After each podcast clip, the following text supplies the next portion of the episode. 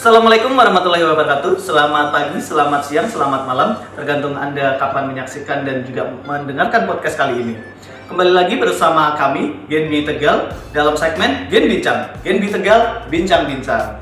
Dan kali ini Sobat Genbi, kita kedatangan dua tamu istimewa nih. Dua wanita hebat yang menjadi duta Kris. Oh, tepuk tangan dong untuk uh, dua wanita ini. Dan kita akan membahas soal bagaimana sih kita menyambut tahun baru ini. Karena kita sudah memasuki tahun 2022 ya Happy New Year semuanya. Yeay. nah saya perkenalkan terlebih dahulu ya dua dutanya. Yaitu yang pertama ada Kak Anggun Trimel ya. Halo. Halo Kak apa kabar Kak Anggun? Alhamdulillah Alhamdulillah baik sekali. yang kedua ada Kak Nur Latifah. Halo. Halo. apa kabar? Alhamdulillah. Alhamdulillah luar biasa sekali ya. Semuanya sehat-sehat semua ya. Nah, kita memasuki segmen yang pertama ya. Bagaimana sih mereka itu menjadi seorang duta kris gitu loh. Pasti kan kalian penasaran bagaimana pengalaman-pengalamannya, kemudian tips and triknya dan juga kalian tuh mungkin termotivasi sebenarnya pengen menjadi duta kris seperti mereka ya. Oi. Mungkin bisa dimulai dari Kak Anggun dulu ya. Oke, silakan Kak ceritakan pengalamannya menjadi duta kris gitu loh. Oke, baik. Terima kasih sebelumnya Mas Boga atas kesempatannya untuk pengalaman menjadi duta kris sendiri. Sebetulnya saya tidak menyangka gitu uh, bisa sampai menjadi duta kris. Pada awalnya mungkin dimulai dari tahun lalu yaitu tahun 2021. Waktu itu sedang seleksi uh, menjadi penerima beasiswa INBI gitu ya. Nah di situ mulai dari pada saat kita saya wawancara, di situ ditanyai mengenai uh, bagaimana Chris lalu bagaimana uh, nanti kontribusi saya saat menjadi penerima beasiswa. Bagaimana sih nanti kamu uh, pada saat kamu sudah menjadi penerima beasiswa gini ini? Dan bagaimana kamu melaksanakan uh, sebagai garda terdepan BI untuk me bahasanya apa ya? Mungkin ada apa ya mengajak masyarakat untuk menggunakan kris ini seperti itu pengalaman yang paling pengalaman yang paling berkesan mungkin dari mulai kita mengajak tetangga-tetangga atau UMKM yang ada di sekitar kita untuk meyakinkan mereka, mengedukasi mereka dan yang terakhir yaitu mengajak jangan lupa mengajak. Karena yang paling penting mungkin edukasi gimana cara kita melakukan transaksi pembayaran non tunai dan yang paling penting mengajak mengajak di mana waktu itu saya juga mengajak mereka karena termotivasi waktu itu sedang pandemi mas. Jadi kegiatan pembayaran non tunai itu bisa dilakukan untuk salah satunya menghambat penyebaran virus corona waktu itu. Jadi itu lebih memudahkan kita dan itu ada apa keuntungan dari keuntungan dari dua belah pihak. Jadi nggak ada salah satu pihak yang dirugikan. Jadi menurut saya itu baik dan saya termotivasi untuk uh, gimana sih caranya supaya saya bisa meyakinkan mereka. Itu yang pertama edukasi mereka dulu. Nah, bagaimana ini penggunaan kris ini? Lalu kalau setelah saya mengedukasi dan meyakinkan mereka, saya mengajak mereka melakukan uh, mendaftarkan merchantnya sebagai merchant kris supaya bisa melakukan transaksi menggunakan kris itu. Seperti itu mas. Mungkin pengalamannya sebelumnya dimulai dari situ sih. Oke luar biasa ya. Berarti dari mulai mengajak teman-teman kemudian mengajak ke halayak luas lebih yeah. luas luar biasa sekali. Nah sekarang Kak Latifah nih kita juga mau dengar nih. Karena duta kris kita itu ada dua teman-teman. Ya Ya silakan Kak Latifah. Kalau saya sendiri kan sama ya sama Mbak Anggun. Kan karena emang awalnya itu dari wawancara. Kan untuk di kayak apa sih kalau waktu wawancara tuh kan gimana nanti kalau pas waktu menerima beasiswa itu bakal jadi kontribusinya apa gitu kan nah itu juga kan kayak oh ya saya harus aktif nih dari hal-hal yang sudah berkaitan dengan Bank Indonesia kayak gitu kan kayak mengajak sosialisasi atau mengajak masyarakat-masyarakat untuk mengenal apa aja sih program-program dari Bank Indonesia. Salah satunya kan Dulakres itu kan. Dulakres itu sendiri kan banyak tuh manfaatnya kayak yang udah dibilang bangun juga kan lebih kayak nggak ada yang dirugikan dari dua belah pihak udah ada manfaatnya masing-masing dan kayak apa ya saya sendiri kan juga sering pakai kayak m-banking, uh, digitalisasi e-money kayak gitu kan. Jadi kayak oh kayak eh, enak nih kalau misalkan ada kris gitu kan kayak lebih mudah nih scan scan nggak usah pakai debit atau pakai apa kayak gitu kan. Terus kan juga kayak uh, daerah saya tuh teman-teman saya itu sendiri lingkungannya tuh kayak masih kurang mengenal yang namanya uh, iwa imani atau apa gitu kan akhirnya saya kenalkan dulu teman-teman keluarga gitu. Habis itu karena saya tuh waktu itu kayak motivasi nih kayak kalau misalkan lingkungan teman atau keluarga aja tuh kayak kurang gitu kan. Harus kayak yang emang ada uh, suatu kegiatan ekonomi yang besar gitu kan kayak pasar gitu kan. Akhirnya saya kayak ih pasar mau nyoba ke pasar ah gitu kan nyoba ngomong nih sama orang-orang yang pasar gitu kan. Ternyata banyak yang belum terbuka mindsetnya karena kan emang orang pasar yang berjualan itu kan kebanyakan orang di atas 30 tahun 40 tahun gitu kan. Dan mereka kayak belum mengenal apa sih iman kayak gitu sih apa sih ngapain sih ribet di sini aja jarang kayak gitu kan. Kayak yang kes aja sih gampang kayak gitu. Maksudnya tuh nggak perlu ribet tuh gampang kalah ini kayak gitu. Terus akhirnya kan karena saya terus mengedukasi kayak membujuk kayak gitu kan. Akhirnya oh jadi tuh mereka paham. Jadi kayak enak. Jadi ya beberapa saya bisa mengajak mereka untuk menggunakan kardus kayak gitu sih kalau pengalaman saya tuh. Cuma ayo ayo membujuk kayak gitu sih. Kayak edukasi dan membujuk kayak gitu Berarti ada tantangan tersendiri untuk mengedukasi masyarakat ya? iya Oke, luar biasa. Nah, kita kan sudah memasuki tahun 2022 ya. iya Dan di sini pasti teman-teman itu banyak namanya resolusi-resolusi ya. Nah, kita ingin tahu nih dari dua duta kris ini resolusinya itu apa aja sih ya? eh, Atau timeline-timeline yang akan dilakukan nantinya gitu loh. Pasti kan kita juga kepo, mungkin kita juga termotivasi nantinya agar kita memperbaiki hal-hal yang kurang baik di tahun 2021 dan di tahun 2022 ini kita menjadi yang lebih baik lagi gitu loh dan membuat resolusi untuk masa depan yang lebih cerah katanya kan seperti Hmm. itu. Silakan mungkin dari Mbak Nur Natifah. resolusi timeline Iya. itu saya kurang untuk mengikuti yang hal-hal seperti itu ya sebenarnya karena saya sendiri tuh lebih ke orang yang jalanin aja dulu kayak gitu tuh sih. Kayak ya udah awalnya ngikutin aja alurnya gimana. Ada yang suka apa maksudnya yang kegiatan yang suka atau apa pun hal-hal yang disuka ya ikut masuk. Yang nggak suka ya udah kayak gitu. Kayak eh, nggak ada timeline tersendiri yang saya tulis secara rinci gitu nggak ada kayak ya ikut aja yang kalian mau Berarti pokoknya lakukan aja gitu ya. Iya. Oke, luar biasa ya. Pokoknya timeline itu boleh dibikin tapi yang penting lakukan ataupun konsisten terhadap timeline itu ya. iya. Kalau dari Kak Anggun silakan. Eh, kalau dari saya sendiri mungkin hampir sama ya sama Mbak Nola nggak ada timeline yang betul-betul ditulis kayak eh, rencana jangka panjang nih Hmm, kalau saya untuk rencana jangka panjang apa yang saya capai di tahun-tahun sekarang ataupun berikutnya mungkin lebih saya tanamkan kepada diri saya sendiri Eh, mungkin prinsipnya itu seperti ini Mas Bogo. Jadi hari ini harus lebih baik dari hari kemarin dan hari esok itu harus lebih baik dari hari ini. Begitu juga tahun. Jadi jangan sampai tahun sekarang itu lebih buruk dari tahun kemarin. Tahun sekarang itu harus lebih baik dari tahun kemarin dan tahun-tahun berikutnya harus lebih baik dari tahun ini. Seperti itu konsepnya.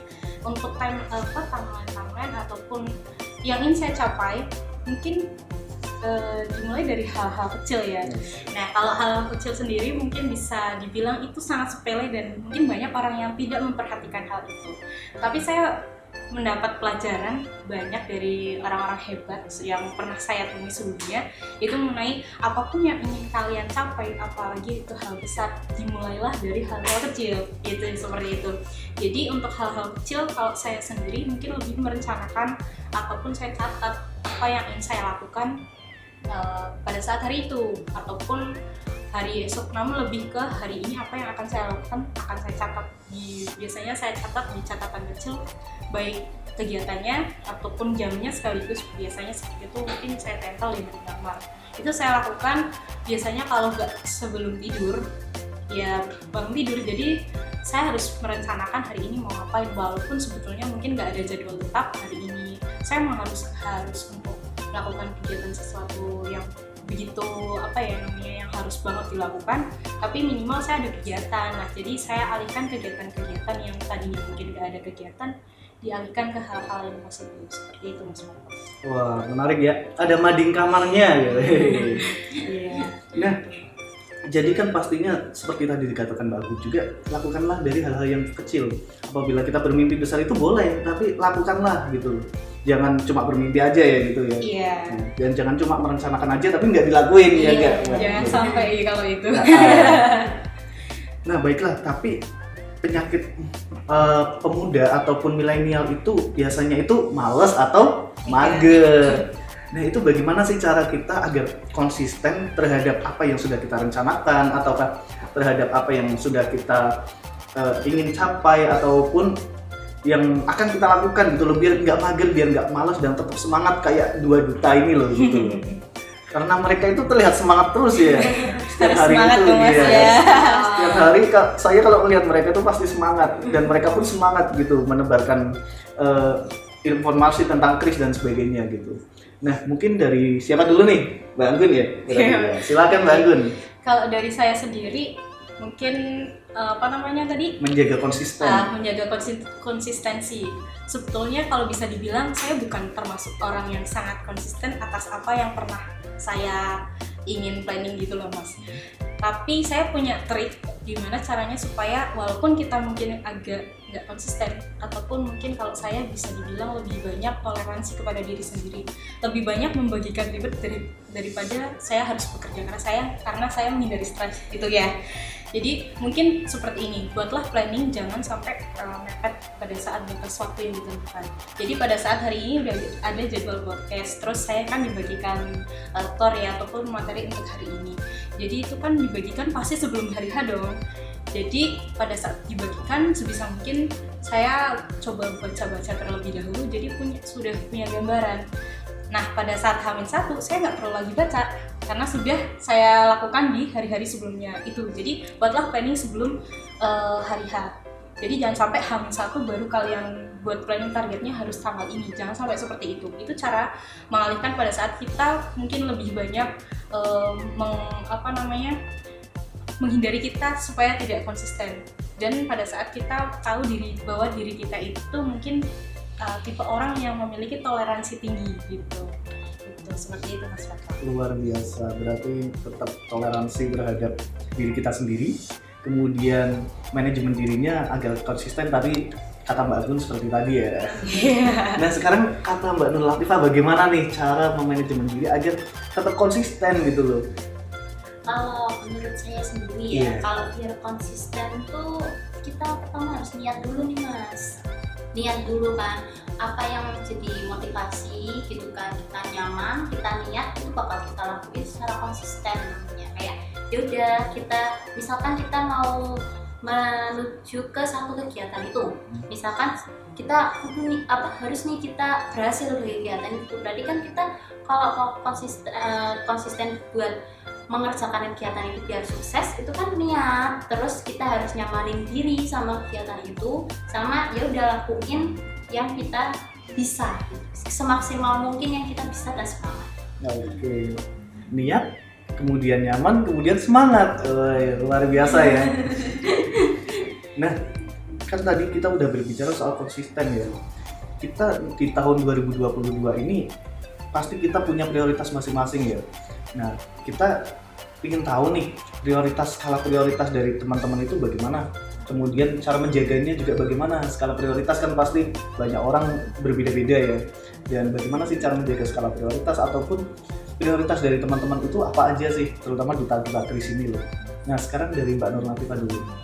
prioritas kalau dari diri saya sendiri ya kan kecuali keluarga gitu kan kalau keluarga ya pastilah gitu kan terus kalau saya sendiri itu lebih kayak oh em, tahun depan tuh kayak ingin menambah pengalaman yang lebih banyak kayak kerja sampingan atau kayak yang mengikuti kegiatan-kegiatan yang lebih bermanfaat gitu. Kayak misalkan saya belum pernah mengikuti kegiatan itu jadi kayak oh itu tuh bagus tuh kayak bisa nih menambah eh, apa, pengalaman terus menambah soft skill kayak gitu kan kayak oh yaudah gitu ikut gitu. Terus kalau misalkan teman-teman ya saya juga pinginnya lebih nambah teman lagi gitu kalian jadi prioritas Nah tuh bagi generasi mager tolong ya jangan jangan sekali-kali kalian mager. Karena kita itu harus uh, mencari pengalaman, kemudian menambah soft skill, kemudian mencari teman, tambah dan sebagainya.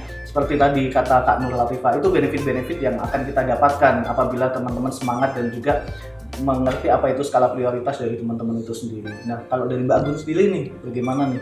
Kalau dari saya sendiri mungkin yang pasti dan paling utama yaitu keluarga. Saya nggak bisa kalau misalnya meng- mengutamakan pendidikan dan mengesampingkan keluarga. Jadi ya pendidikan emang penting, tapi pendidikan yang saya lakukan saat ini ya semuanya dari keluarga. Jadi saya memprioritaskan keluarga di atas eh, pendidikan gitu lah bisa dibilang. Nah baru setelah itu pendidikan. Pendidikan karena ya balik lagi pendidikan itu memang penting salah satunya untuk membentuk karakter kita. Nah untuk skala prioritas yang lain mungkin untuk menyiapkan kita lebih baik lagi dari tahun-tahun sebelumnya ya seperti Mbak Nur Latifah bilang tadi kita melakukan uh, kegiatan-kegiatan mungkin salah satunya dengan menambah uh, mengikuti kegiatan di kampus ataupun di luar kampus di mana itu bisa menambah relasi kita dan bermanfaat positif karena relasi itu penting mas. Dan gimana saat kita melakukan kegiatan-kegiatan tersebut itu bisa menambah soft skill kita. Mungkin salah satunya yaitu dengan magang ataupun bisa seperti tadi bekerja sampingan ataupun kita bisa nih membuat small business yang kita usahakan. Jadi pada saat nanti kita lulus kuliah nanti ya kita mungkin sudah mempunyai bisnis yang bisa kita kembangkan itu salah satunya. Namun balik lagi sebetulnya skala prioritas orang itu kan masing-masing ya. Semua ada semua ada skala prioritas yang mungkin nggak bisa kita samaratakan antara satu orang dengan orang lainnya. Namun yang pasti apa pun yang membuat kita lebih baik lagi dan bisa menambah soft skill ataupun pengalaman kita di mana itu bisa bermanfaat untuk ke depannya jadikanlah itu skala prioritas. Selain keluarga ya mas ya. Karena keluarga itu menurut saya paling eh, paling penting gitu ya dalam hidup. Luar biasa. Pokoknya jangan jadi generasi yang mageran. Carilah pengalaman yang banyak ya. Iya. Seperti tadi magang. itu kemudian- salah satu untuk mengalihkan mager kita Ah, gitu ah, tetap jadi generasi yang sinergi untuk Iya. negeri ya. Iya. Iya, luar biasa. Nah, eh, gini nih, kan banyak generasi milenial itu mereka itu ingin tahu soal bagaimana sih tips and trick agar memperbaiki hal-hal yang sudah eh, terjadi di tahun sebelumnya mungkin mereka eh, kurang maksimal ataupun apa yaitu bagaimana cara kita menyambut tahun 2022 ini gitu. Mungkin dari Mbak dulu silakan. Kalau dari saya sendiri ini mungkin bukan menyambut tahunnya tapi menyambut bagaimana planning kita tercapai di eh, tahun-tahun berikutnya. Eh, yang harus diterapkan yang pertama kan tadi konsisten. Ya selain itu motivasi itu harus lebih tinggi daripada rasa mager kita jadi pada saat eh, ya, ya bukannya saya eh, menolak bahwa saya itu nggak mager saya juga termasuk orang yang cukup mager namun saya balik lagi saya ingat bahwa apa sih yang membuat saya sampai pada saat ini gitu. Kita ingat-ingat lagi apa yang membuat kalian bisa semangat. Terutama ya pasti motivasi mungkin dari orang terdekat keluarga. Bahkan mungkin kalau kita bisa bilang teman-teman terdekat kita ya gitu seperti itu. Tapi jangan jangan salah lingkungan circle pertemanan itu juga penting mas. Kadang seperti ini kita sebaik-baiknya kita pada saat kita eh, bergaul dengan orang yang mohon maaf mungkin mereka kurang apa ya kurang memikirkan bagaimana mereka ke depan. Jadi mereka mager-mageran kita akan terbawa. Jadi jangan sampai kita juga salah pergaulan gitu tapi mungkin kita bisa lebih menjadi apa ya orang yang menyem- salah satu orang yang menurut mereka berubah. Itu itu lebih baik. Namun mungkin itu lebih apa ya agak susah. Namun itu yang perlu tetap diterapkan. Selain kita membuat planning-planning dan meningkatkan motivasi apa yang harus kita lakukan untuk mencapai target kita, kita juga perlu memperbaiki ataupun memilih circle pertemanan yang baik untuk menyesuaikan apa yang ingin kita capai. Bagaimana target. Oke, sekarang dari Mbak nih Pak. ya nih saya setuju banget nih ya sama pernyataannya Mbak Anggun gitu kan emang selain motivasi momen kayak gitu tuh benar-benar penting gitu kan dalam kita melakukan apa ke depannya gitu kan terus selain itu ya kalau misalkan mau di tahun depan itu lebih kayak lebih bagus gitu kan dari tahun lalu gitu kan berarti kita tuh lihat dulu nih tahun lalu tuh apa aja sih kayak gitu kan. Apa kita ngelakuin kesalahan apa kayak introspeksi diri lebih dekatnya kan. Nah terus habis itu kalau kita nih udah nemu kan udah nemu kalau apa nih yang salah dan dan dan dan itu tuh kita bisa fokusin pada hal itu maksudnya. Eh, terus kalau misalkan untuk biar motivasi biar itunya salah yang kita lakuin itu salah ya berarti kita belajar lagi dari orang lain maupun kita belajar dari diri sendiri memahami diri sendiri kalau saya Oke, memahami diri sendiri dulu, belajar dari kesalahan dan introspeksi berarti ya seperti itu ya. Nah, eh, generasi sekarang itu perlu adanya dorongan semangat nih untuk menyambut tahun 2022 ya. Tahun inilah ya, tahun ini. Nah itu tolong dong berikan dorongan semangat dari teman-teman kita ini kepada seluruh sobat Genbi yang ada di rumah. Silakan Kak Nur Latifah.